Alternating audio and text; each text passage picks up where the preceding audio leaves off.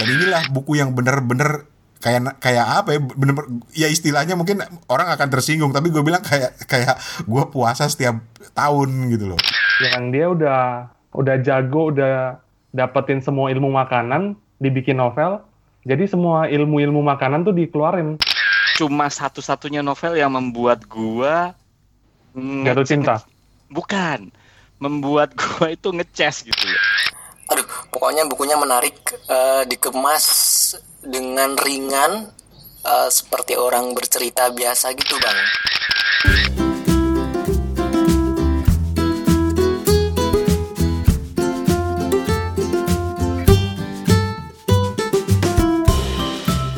Hey, apa kabar? Assalamualaikum. Ketemu lagi di Kepo Buku. Kali ini adalah episode ke-13 yang merupakan lanjutan dari episode ke-12. Ya iyalah, habis 12 kan 13.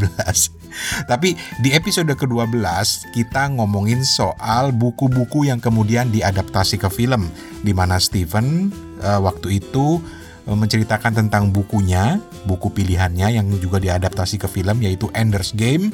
Terus juga ada seorang teman namanya Opat yang juga cerita tentang bukunya yang dikirimkan lewat WhatsApp. Terus, oh ya, Opat keren, ba keren banget, keren banget uh, ceritanya. Terima kasih banyak. Ditunggu lagi yang lain.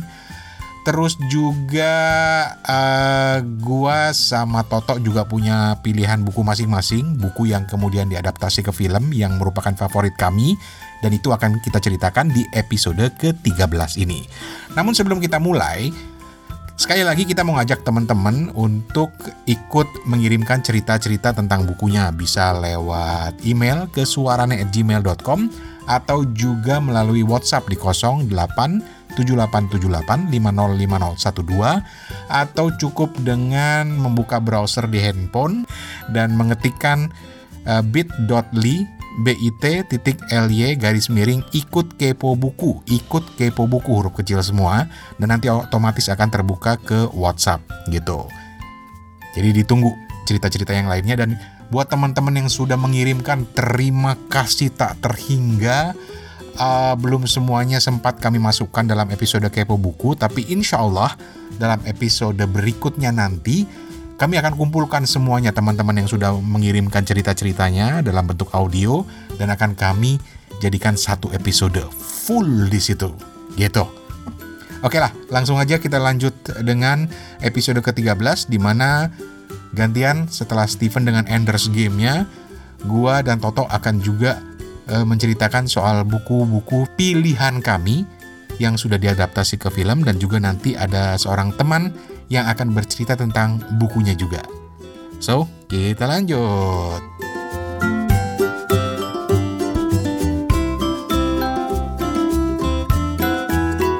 Buku gue, pilihan gue adalah uh, bukunya Carl Sagan. Ini seorang apa ya fisikawan ya Carl Sagan itu ya ilmuwan ya, lah ya. Bener, ilmuwan. Judulnya Contact dan uh, ini dijadikan film yang berjudul sama Contact yang dimainkan oleh Jodie Foster. Dan inilah buku yang bener-bener kayak kayak apa ya bener, bener ya istilahnya mungkin orang akan tersinggung tapi gue bilang kayak kayak gue puasa setiap tahun gitu loh. Itu pasti dalam satu hmm. tahun tuh minimal ada satu kali gue nonton ada satu kali gue baca bukunya. Berbeda dengan Steven yang ya udah move on ke buku lain gitu. Jadi tapi tapi ketika lo bilang kontak gue terus terang ini salah satu film ya gue belum baca bukunya yang salah satu favorit gue yang gue tonton juga berkali-kali. Kenapa? Nggak tahu gitu. Karena menurut gue filmnya keren banget gitu. Hmm. um, cerita tentang kita dihubungin alien kemudian di situ ada intrik-intrik apa namanya intrik-intrik uh, manusia gitu ya bagusnya ini buku ini ya uh, sorry film ini gitu. Dia science fiction yes. Tapi sebenarnya mengupas sisi manusia kan sisi uh, religius dibahas di sana gitu kan. Gimana hmm. lu mempercayai sesuatu yang nggak ada gitu tapi somehow you believe gitu kan. Dan itu bertentangan dengan uh, tokoh Jodie Foster sendiri yang dia perankan gitu kan. Hmm. dia kalau nggak ada bukti nggak bisa tapi at the end dia harus berhadapan dengan sesuatu yang gue nggak bisa kebuktiin gitu. Dan how to make you believe gitu kan. Itu uh. salah satunya. Kemudian intrik-intrik manusia ketika membangun alatnya gitu kan. Kemudian aliens dibilang enggak lu tuh baru just one step at a time gitu. Lu belum siap untuk melihat semuanya kayak gitu-gitu. Kalau lu lihat Nah. film pasti lu tahu filosofis di balik itu dan itu menurut gua satu hal yang gue suka dari film itu dan gue tonton berulang adalah nggak cuma science dan kedua adalah ya masalah belief gitu Eh, lu masalah iman gitu masalah masalah Hmm. sesuatu yang lu percaya gitu ya yang nggak lu bisa explain tapi somehow you believe ya menurut gue tuh bagus banget gitu untuk jelasin sesuatu itu Gitu. Steven lu udah pernah tahu nggak sih kontak Carl Sagan? Belum belum belum pernah, baru tahu nih. Baru tahu ya? Iya. Ah, dia pasti lagi lagi browsing. tuh. lagi cari tuh bukunya tuh Tapi gue seneng loh ada buku yang Steven nggak tahu gitu. Hmm. Oke, kalau kalau kalau Toto kan dari segi ke- kelihatan dong bobotnya gitu ya bahwa Toto tuh orang yang sangat filosofis gitu ya. Kemanusiaan which is memang yang yang itu yang sisi yang paling menarik dari buku itu. Sementara kalau gue dari bukunya gue menangkap itu. Gue menangkap sebuah kedalaman cerita karena Carl Sagan ini luar biasa gitu ya kalau nulis tentang sesuatu yang bersifat ilmiah gitu karena memang dia ilmuwan.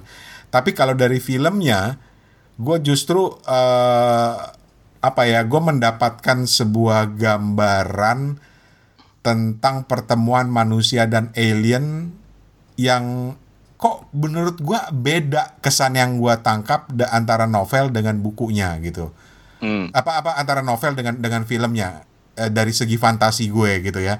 Hmm. bagaimana gue kan seorang pencinta Star Wars. Gue pencinta Star Trek yang hidup dengan para alien gitu ya. Gue suka Close Encounter gue suka E.T.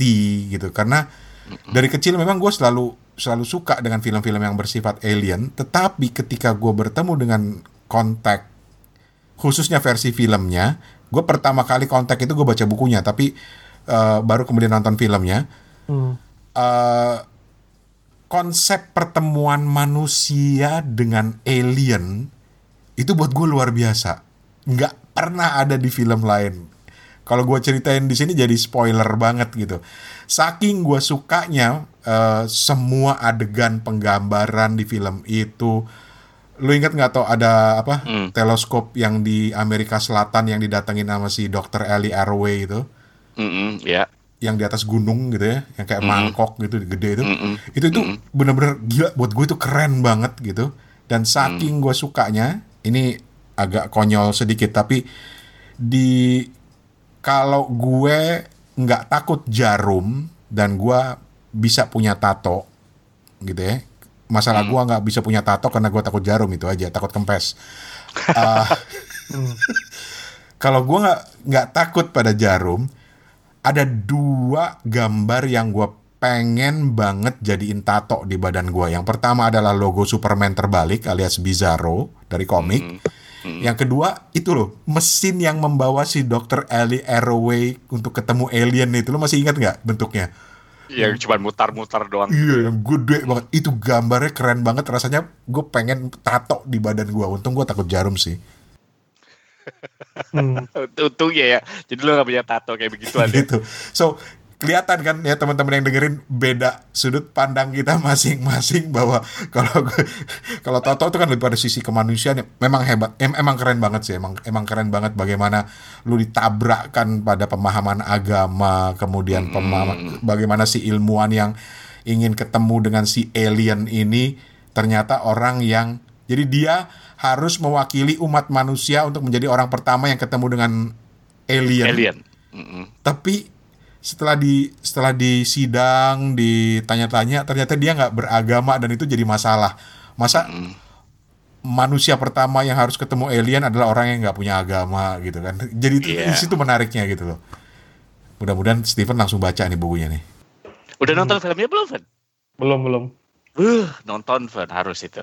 Ini setahunan sama Titanic ya, 97. gua kirimin linknya kalau mau ntar ntar Oke. oh jadi jadi Steve, Steven lebih se- lebih milih Titanic katanya sama tahunnya sama Titanic Toto iya tapi kan dia berarti kan lebih udah pernah nonton Titanic kan Fen? Udah udah. Tuh kan gue bilang bener dia lebih milih nonton Titanic udah nonton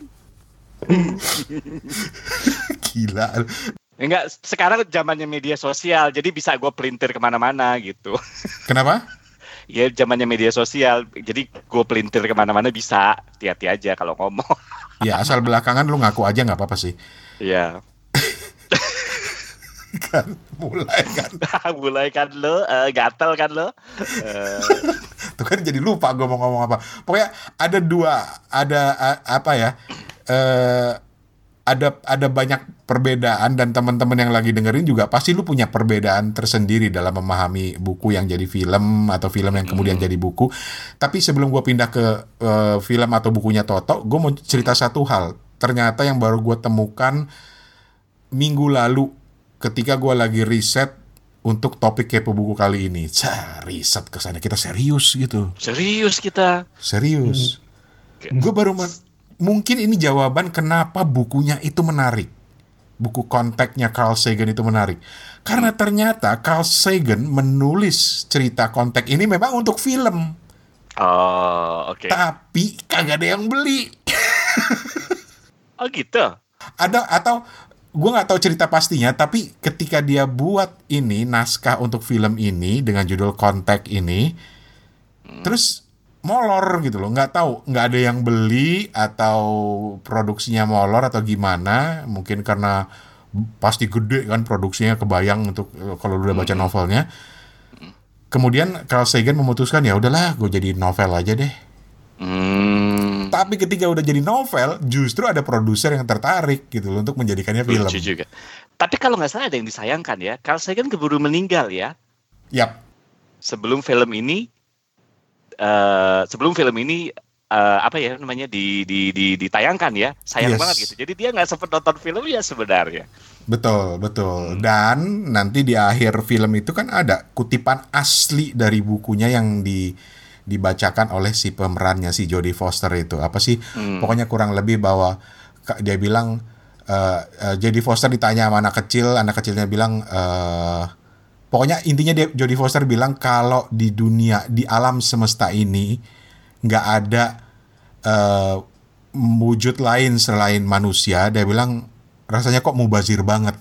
Hmm, iya itu itu It's an awful ya. waste of space gitu dia bilang gitu kan itu keren banget. Di situ pasti Toto kenanya kan karena dia orangnya lebih filosofis gitu kan. Hmm, iya, itu di gitu. situ. Oke. Okay. Hmm. Steven ada komentar dulu sebelum kita ngobrol uh, balik uh, serahin ke Toto pilihan bukunya. Kisah-kisah antariksa tuh memang bener-bener apa ya kalau boleh dibilang itu bener-bener apa ya bener-bener mind blowing memang terus benar-benar menarik gitu untuk untuk orang-orang untuk orang kebanyakan untuk ngikutin gitu memang hmm. istilahnya tema-tema yang nggak nggak asing apa istilahnya nggak nggak normal untuk di diceritain tuh bisa jadi material yang keren gitu kayak yang tadi diceritain di film kontak gitu mm-hmm. terus mm-hmm. terus yang jadi ini yang jadi kepikiran ini ada beberapa film yang yang bagus ternyata tuh ternyata di ini diadaptasi juga dari novel-novel yang pada waktu itu uh, terkenal bestseller lah istilahnya. Yang yang waktu itu bestseller belum aku baca juga. Kayak gini, kayak kayak film Jurassic Park itu kan diadaptasi juga dari novel yang berjudul yang sama oleh Michael Michael Crichton. Mm. Mungkin Mas Toto, mm. Bang Rani udah udah katam nih novelnya Jurassic Park. Belum. Gue gak tertarik terus. Nah, maksudnya novelnya, novelnya Jurassic yeah. Park. Gue cuma nonton filmnya sih. sama. Ya, sama. yang kedua, yang kedua ini yang ternyata juga diadaptasi dari terinspirasi gitulah dari novel tuh ini film Blade Runner tahun 82. Ah, oke. Okay. Nah, okay. ternyata tuh Blade Runner itu turns out itu ini diadaptasi lepas dari novel Philip K. Dick yang judulnya Do and Androids Dream of Electric Sheep. Jadi kurang lebih judulnya tuh sama kayak yang jadi tema utamanya film Blade Runner itu. Apakah Android itu punya ini, punya kayak sisi kemanusiaannya nggak sih yang di yang ditekankan gitu di Blade Runner? Blade Runner di Blade Runner ini sendiri pun ini apa di dimainin sama Harrison Ford bang. Benang merahnya gitu. Toh, Ya, Harrison kayaknya Ford toh. Bang, lu suka sama Harrison Ford juga lu kayaknya, Van. Enggak, ini kebetulan. Oh kebetulan, kira Iya. lu ini juga apa namanya eh, ngefans gitu. Ya tapi patut di inilah. Ini Harrison Ford memang aktor kawakan ya. Ini ini waktu dia masih muda nih, 82. Kira-kira masih seumur Toto lah. Tahu aja.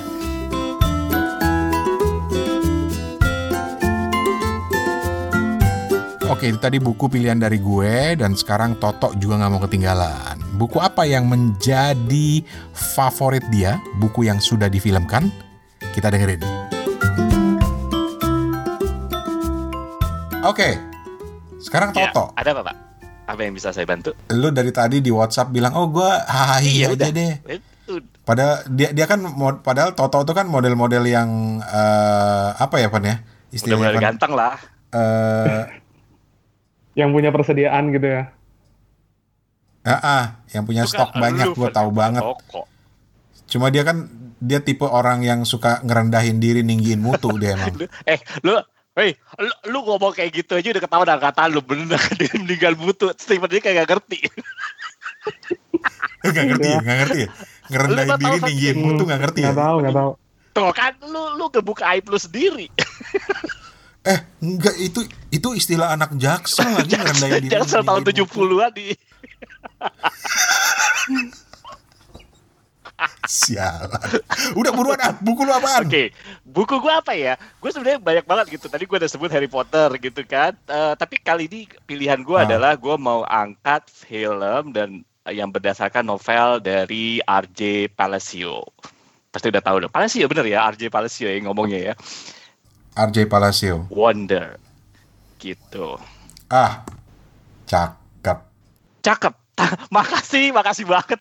Tumben kali ini lu Tumben, ntar dulu. cakep. Sebelum lo ngomong, gua harus komentarin. Tumben pilihan buku lu keren banget. Caelah. Top Marco top. Top Marco top Marco top. Oh, Steven aja top Marco top tuh ketahuan umurnya dia. Iya, lu jangan pakai bahasa yang salah, Van. Bisa Oh, tahu iya. orang angkatan berapa. Kenapa gue pilih ini? Karena menurut gue, eh, oke, gue mau jujur, gue belum baca bukunya sebelum gue eh, apa namanya eh, nonton filmnya. Yang ini kebalikan. Jadi gue nonton filmnya dulu, tapi gue nonton filmnya ini di pesawat. Basi banget ya di pesawat ya. Jadi sama sekali nggak gue Hmm. lihat waktu itu. Jadi di pesawat kok ada eh, ada film kayak gini ya. Baru kemudian gue nonton versi fullnya. Dan akhirnya saat itu gue baca eh, novelnya. Pada saat gue baca no baca eh pada saat gue nonton filmnya jadi plotnya dulu ya. Ini menceritakan tentang eh, tokoh utamanya yaitu Ogi Polman kan.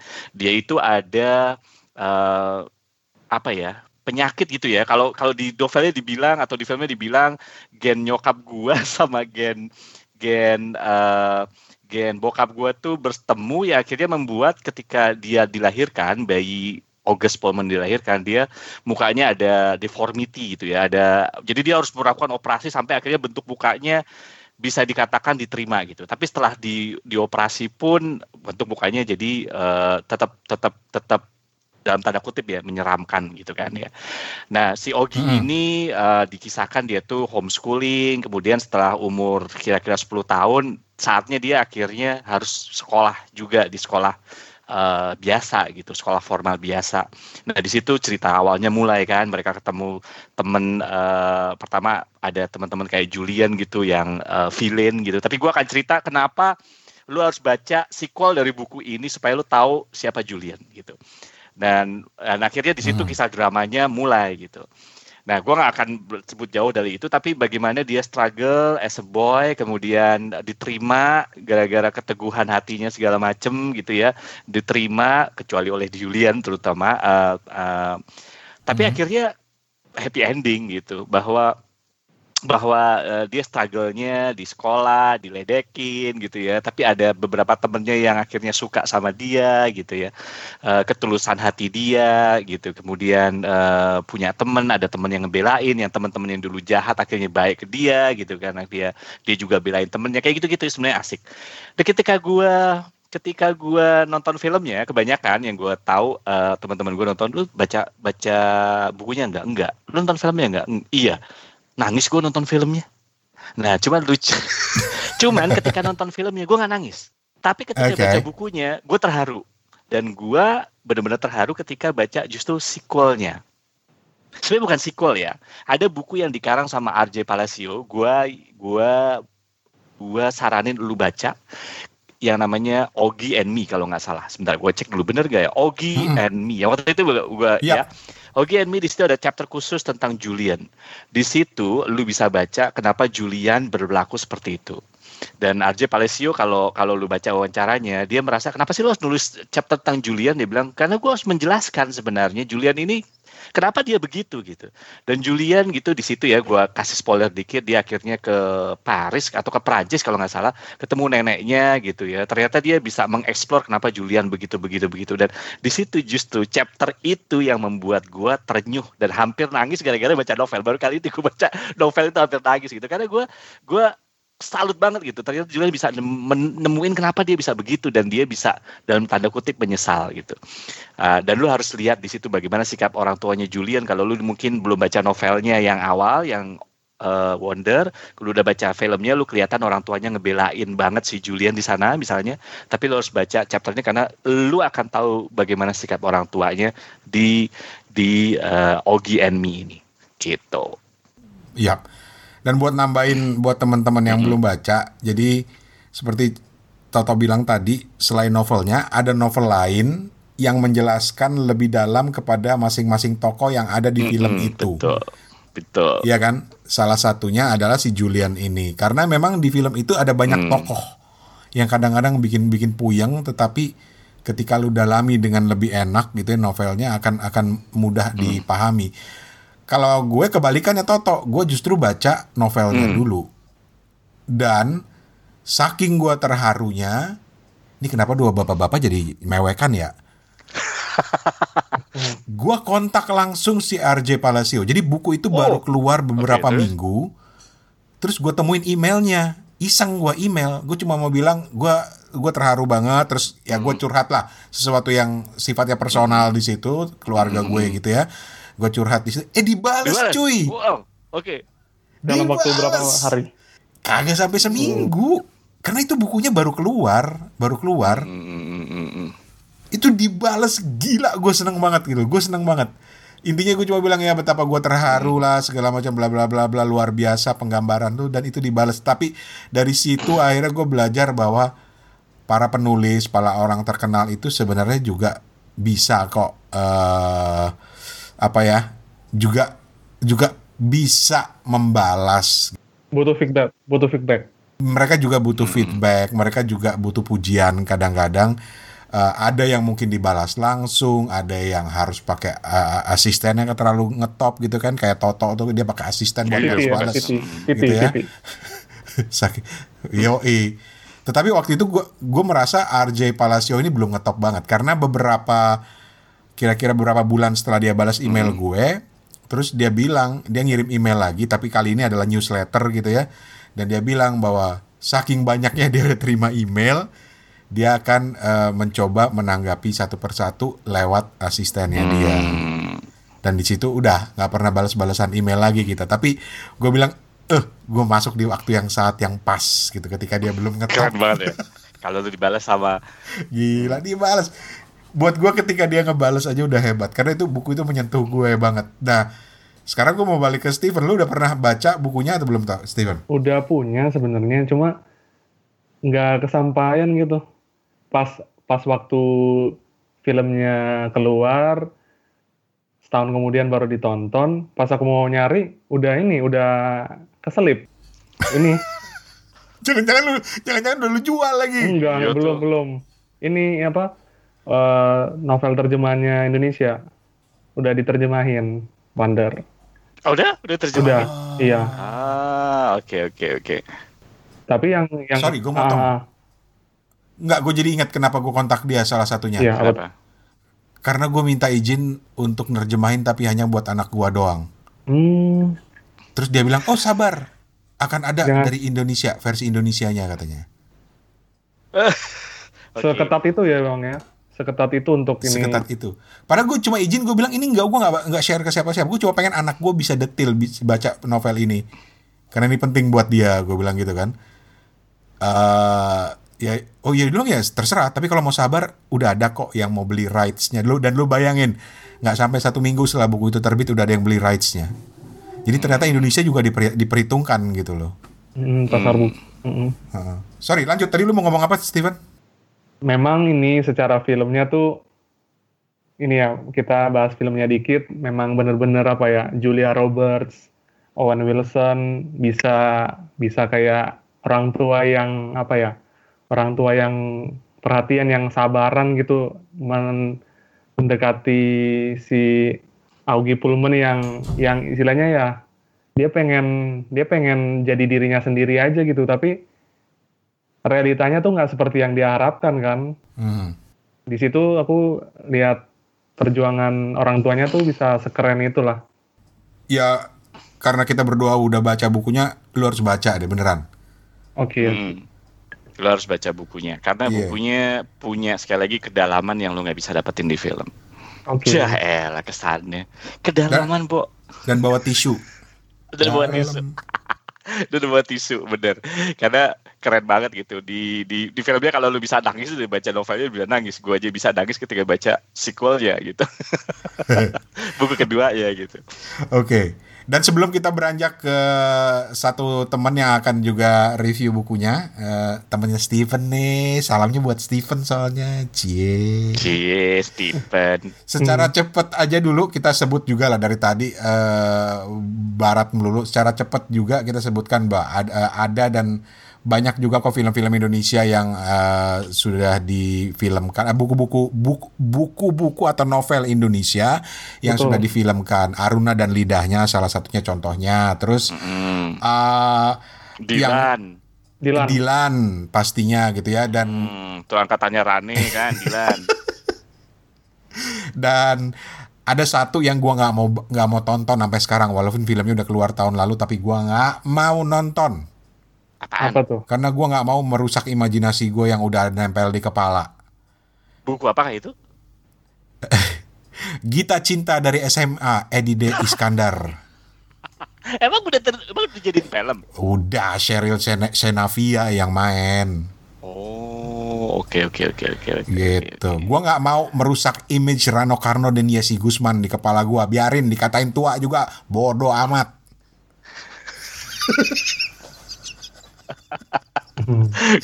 Karena buat gue itu udah itu udah paling sempurna deh Rano Karno Yesi Gusman udah gue nggak rela ada bahkan ketika gue liat posternya Cheryl Senavia sama siapa tuh namanya? Re, Rev- Revi apa Reval gitu gue langsung aduh ngerusak banget nih gue tapi ya itu subjektivitas gue Ah, terus Tapi juga salut ya untuk untuk untuk, eh, tahun-tahun segitu ya. oh iya. Anak SMA mm, berbahasa Indonesia baku banget gitu. Gua aja nggak pernah berbahasa Indonesia baku dan benar kayak gitu. itu dia tolong Steven kita diberhentikan. Kayaknya bakal panjang ceritanya nih. Tapi ya dia eh, banyak lah ah, surga yang dirindukan Asmana dia terus apalagi ya Steven ya? Buku yang difilmin. Filosofi kopi. Iya, betul. jangan lupa Wiro Sableng.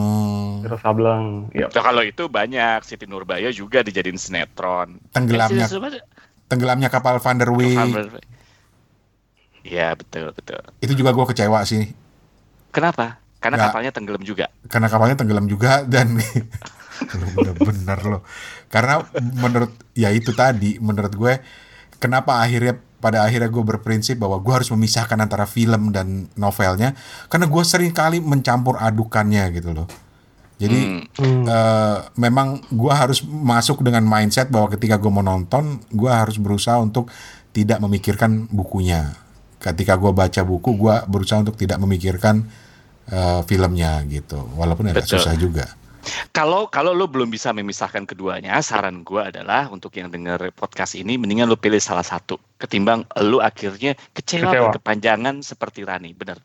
Mendingan lo pilih salah satu, either filmnya atau bukunya, that's it. Ya. Hmm. Edi D. Iskandar ya, Gita Cinta dari SMA Cari di Blok M Square masih ada tuh yang jual bekasnya. gitu. Oke. Oke, dan di tengah ngobrol-ngobrol ternyata kita juga sempat eh, ngobrolin soal buku Aruna dan Lidahnya yang baru aja keluar versi filmnya. Jadi kita ngobrol soal itu sebelum kemudian kita juga memutar satu cerita dari seorang teman pendengar kepo buku yang mengirimkan ceritanya lewat email kalau nggak salah ya dalam bentuk audio pastinya. Jadi kita lanjut.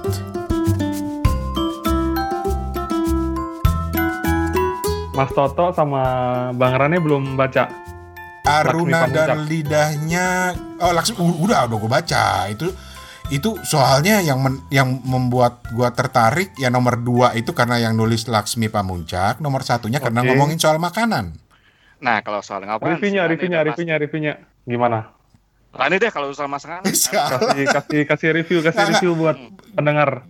karena gue itu suka ya gue belum nonton filmnya ya tapi dari segi Oke. novelnya gue itu suka ketika ya gue ini penggemar makanan gitu Oke. Semua lah ya. Semua host.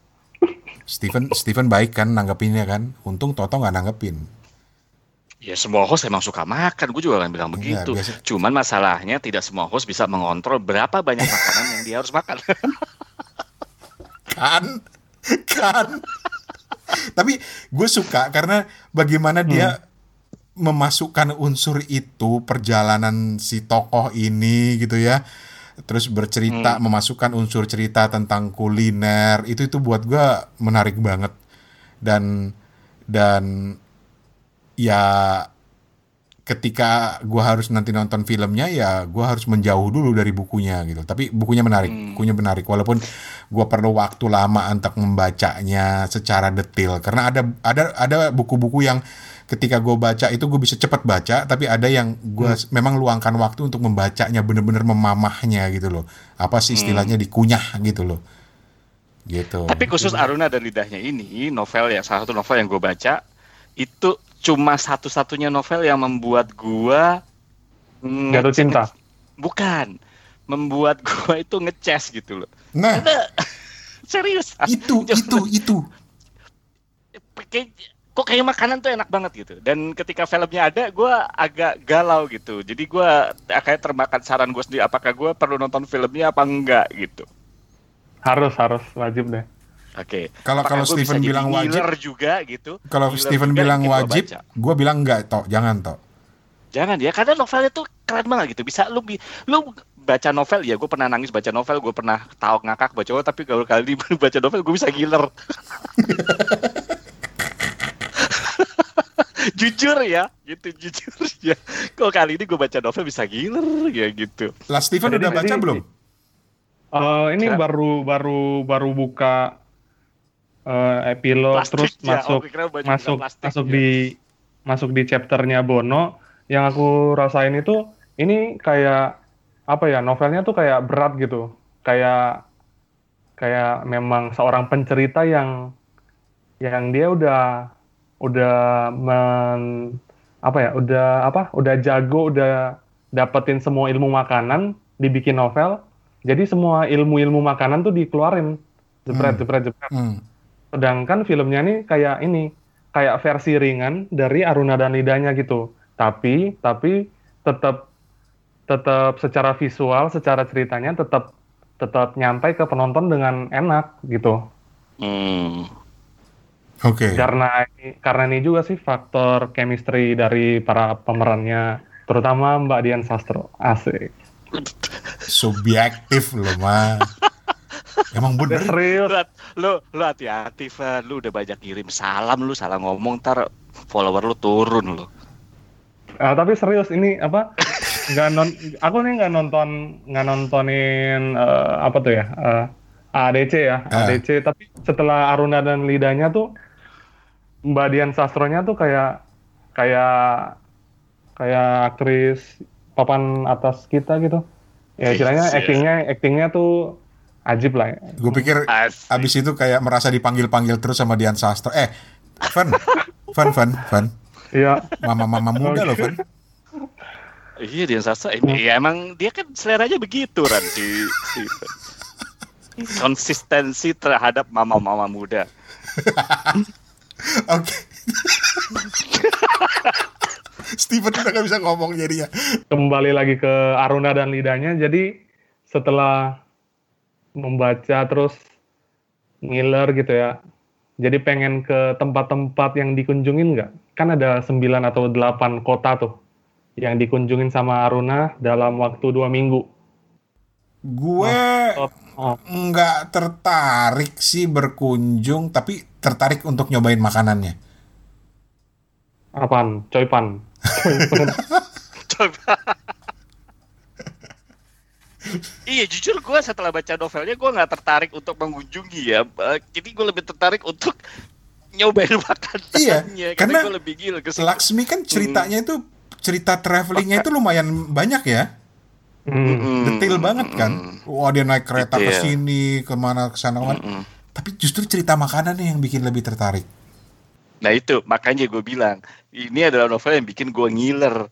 Tak kalau ada novel lain bikin gue pengen mengembara, ya berarti dengan kata lain gue im- eh, secara eh, implisit gue bilang bahwa cerita tentang makanannya itu jauh lebih utama untuk gue gitu ketimbang jalan-jalannya gitu. Oke. ya tapi mungkin karena gue suka makan, jadi ya maaf ya agak bias, Emang, agak bias. emang. gitu. Mm-mm. Oke. Oke, dan ngomong-ngomong soal kiriman, ini ada Johar Arifin yang juga ngirimin ceritanya tentang buku. Kita komentarin sedikit sebelum kita tutup nanti. Dan pada dasarnya kalau nanti semakin banyak yang mengirimkan, kita bahkan mungkin bisa bikinkan satu episode yang khusus isinya cerita-cerita lo sama cerita-cerita kita lah, gitu lah. Gitu. Jadi ini kita dengerin namanya Johar Arifin ya, kita dengerin ya. You have a WhatsApp message. Assalamualaikum warahmatullahi wabarakatuh. Halo Bang Rane, apa kabar? Eh, perkenalkan, aku Johar Arifin di Boyolali Bang. Mau ikut kepo buku nih. Aku mau cerita buku, ini buku kesehatan Bang. Judulnya Eating Clean, karyanya Mbak Inge Tumima Bahrain. Eh, sampai saat ini Mbak Inge sudah menulis 4 buku. Buku yang pertama itu 20 langkah mudah membiasakan makan sehat. Eating clean 20 langkah membiasakan makan sehat. Nah, di buku yang pertama, buku yang pertama covernya berwarna putih. eh beliau di situ cerita eh, latar belakang beliau me- menerapkan eating clean metode makan eating clean bersama keluarganya itu. Beliau cerita di situ aduh pokoknya bukunya menarik eh, dikemas dengan ringan eh, seperti orang bercerita biasa gitu bang. Jadi ini buku kesehatan tapi tidak kemasannya nggak begi- nggak nggak berat nggak banyak istilah-istilah eh, tentang kesehatan yang rumit Itulah Johar Arifin. Dan ternyata Cie, nyambung dengan aneh. lu kan ikut dicecein gue. Lo itu itu kan ada Bang Rade. Jadi kan gue cie Rade tadi kan Steven, gue Buat- cie Steven. Buat teman-teman kepo buku tolong Toto juga disebut, jangan cuma gue sama Steven. Oh, gue gak perlu, gue gak perlu, gue gak perlu. Gue udah terkenal. Eh. Tolong disebut, dipuji, dipuja, gitu ya, dikirimin makanan. Dia soalnya dulu waktu masih di radio udah terbiasa dikirimin makanan sama pendengarnya. Iya, ada yang ngasih nasi ayam dulu tiba-tiba. Gitu. nasi Dan itu yang membuat dia uduk. akhirnya sekarang suka makanan. Tapi ceritanya Steven tadi soal Aruna dan lidahnya nyambung juga ke ceritanya si Johar Arifin ini yang yang justru cerita tentang eating clean eh apa namanya eh yang disampaikan dengan cara yang bercerita gitu. Lu tahu, lu berdua tahu dong gua nggak suka banget buku how to gitu ya. Mm-mm. self help gitu suka apalagi lo. self help gitu Tapi kalau dari ceritanya Mas Johar tadi bahwa ini dibuat dengan gaya bercerita, mungkin gue akan pertimbangkan. Sebelagu banget gue. Elah. Karena gue perlu, gue gue perlu eating clean gitu loh. perlu dibaca ya karena gue karena gue juga bingung juga ya menurut eating clean apa gitu kan mungkin berguna juga sih untuk dibaca ini Mhm. Ada stok di Satria Buku buku ini? Oh nggak ada nggak ada. Aduh, Satria Buku harus jualan juga dong buku-buku kesehatan dong. Jangan kesehatan rohani aja. Iya. Oke, dari tadi eh gue udah minta sudut pandang Toto ya sebelum kita tutup terakhir banget apa poin terakhir, gue udah minta sudut pandang Toto tentang bagaimana sih cerita tentang buku gitu. Toto kan punya gaya yang khas. Kalau lu sendiri kalau harus cerita atau ngajak teman-teman untuk ikut nge-review buku di acara ini, apa sih yang lu harapin, Steven? Yang aku harapin tuh bisa menambah referensi buku-buku yang mungkin nggak umum untuk eh, orang-orang kebanyakan baca gitu atau Hmm, alternatif lah buku-buku luar atau mungkin buku-buku non fiksi atau fiksi yang kamu benar-benar suka dan wajib buat orang-orang tahu bolehlah bagi-bagi ke sini. Asik. Tapi dari Iya. segi gaya berceritanya tadi, lu lu lu lebih memilih lebih memilih gaya bercerita seperti ini atau mungkin lu punya eh, keinginan lain apa yang lu mau dengar dari teman-teman yang ikut ikut kirim eh, cerita bukunya? Eh, bebas-bebas aja sih kayak Mas Toto, tapi kalau bisa ya eh, buku-buku yang memang benar-benar kamu banget gitu, jadinya kita juga lebih enak gitu. Mhm. Jadi yang benar-benar eh, entar dulu yang benar-benar kamu banget maksudnya gimana? Yang benar-benar fav- favorit. Oh. ya maksudnya ya maksudnya Steven itu buku yang mencerminkan pembacanya jadi kalau Steven pengen tahu oh review ini kayak gini oh ternyata begitu orangnya gitu maksudnya Enggak, enggak, enggak. bukan gue yang ngomong lo Steven, bukan gue. Lu kalau mau mau membunuh bunuh Toto ya Steven. Tapi anyway, thank you banget. Jadi kita tunggu review-review yang lain. Eh, lo mau ngomongin soal buku film lu boleh, eh, buku yang Boleh, boleh. diadaptasi ke film boleh. Dan atau ada ide misalnya ngomongin buku apa ya untuk episode berikutnya juga boleh. Mau cuman kirim salam ke Steven juga boleh Boleh banget. boleh banget Eh ini ini sekarang kepo buku udah 12 episode 12 ya. Steven ya? Iya. Ya targetnya episode Mantap, ke-20 udah jadi lah satu lah. jadi apa tuh Ran Jadi jadi acara. oh jadi aja iya bener ya Acara kawinan. jadi kita siaran di acara kawinan. Indonesia Timur kita dong. Asik Tadi- juga jalan-jalan ke sana. Steven yang buka, Steven juga yang tutup ah. Ya, Oke, oke, Mungkin ada jadi kata-kata penutup dari lo gitu kan. Ah, ah. Mm. Em, sekian edisi Kepo Buku kali ini. Kita udah ngebahas film-film yang juga jadi buku-buku yang menarik bagi para host masing-masing. Kita ketemu di lain kesempatan. Sampai jumpa. Bye bye. Ya, Right. Dan demikianlah Kepo Buku. Terima kasih banyak sekali lagi. Ditunggu sekali partisipasi teman-teman. Insya Allah episode berikutnya kita akan merangkum semua eh, cerita-cerita tentang buku yang sudah dikirimkan kepada kami, baik melalui email maupun juga melalui WhatsApp. Jadi ada satu episode khusus minggu depan yang kami persembahkan khusus untuk teman-teman yang sudah susah payah mengirimkan cerita dalam bentuk audio kepada kami di Kepo Buku. Sementara yang belum dan ingin berpartisipasi, jangan lupa ada dua macam cara yang sering digunakan yaitu lewat email. Jadi rekam aja suaranya pakai handphone, kirim ke email di suarane@gmail.com atau juga melalui WhatsApp di nomor 087878505012 atau buka browser di handphone ketik bit.ly bit.ly garis miring ikut kepo buku underscore atau huruf kecil semua ikut kepo buku ditunggu jangan lupa follow kepo buku yang sudah tersedia di Anchor, Google Podcast, eh, Apple Podcast belum ya sayangnya ya. Ini Apple gimana sih nih? Eh, juga ada di Castbox dan yang paling gampang mendengarkan kepo buku adalah di suarane.org. Suarane.org. Akhirnya gua Rane Hafid bersama rekan Hertoto Eko di Singapura dan juga Steven Sitongan di Ambon pamit. Oh ya terima kasih buat Mas Johar yang sudah mengirimkan cerita bukunya. Assalamualaikum, sampai ketemu.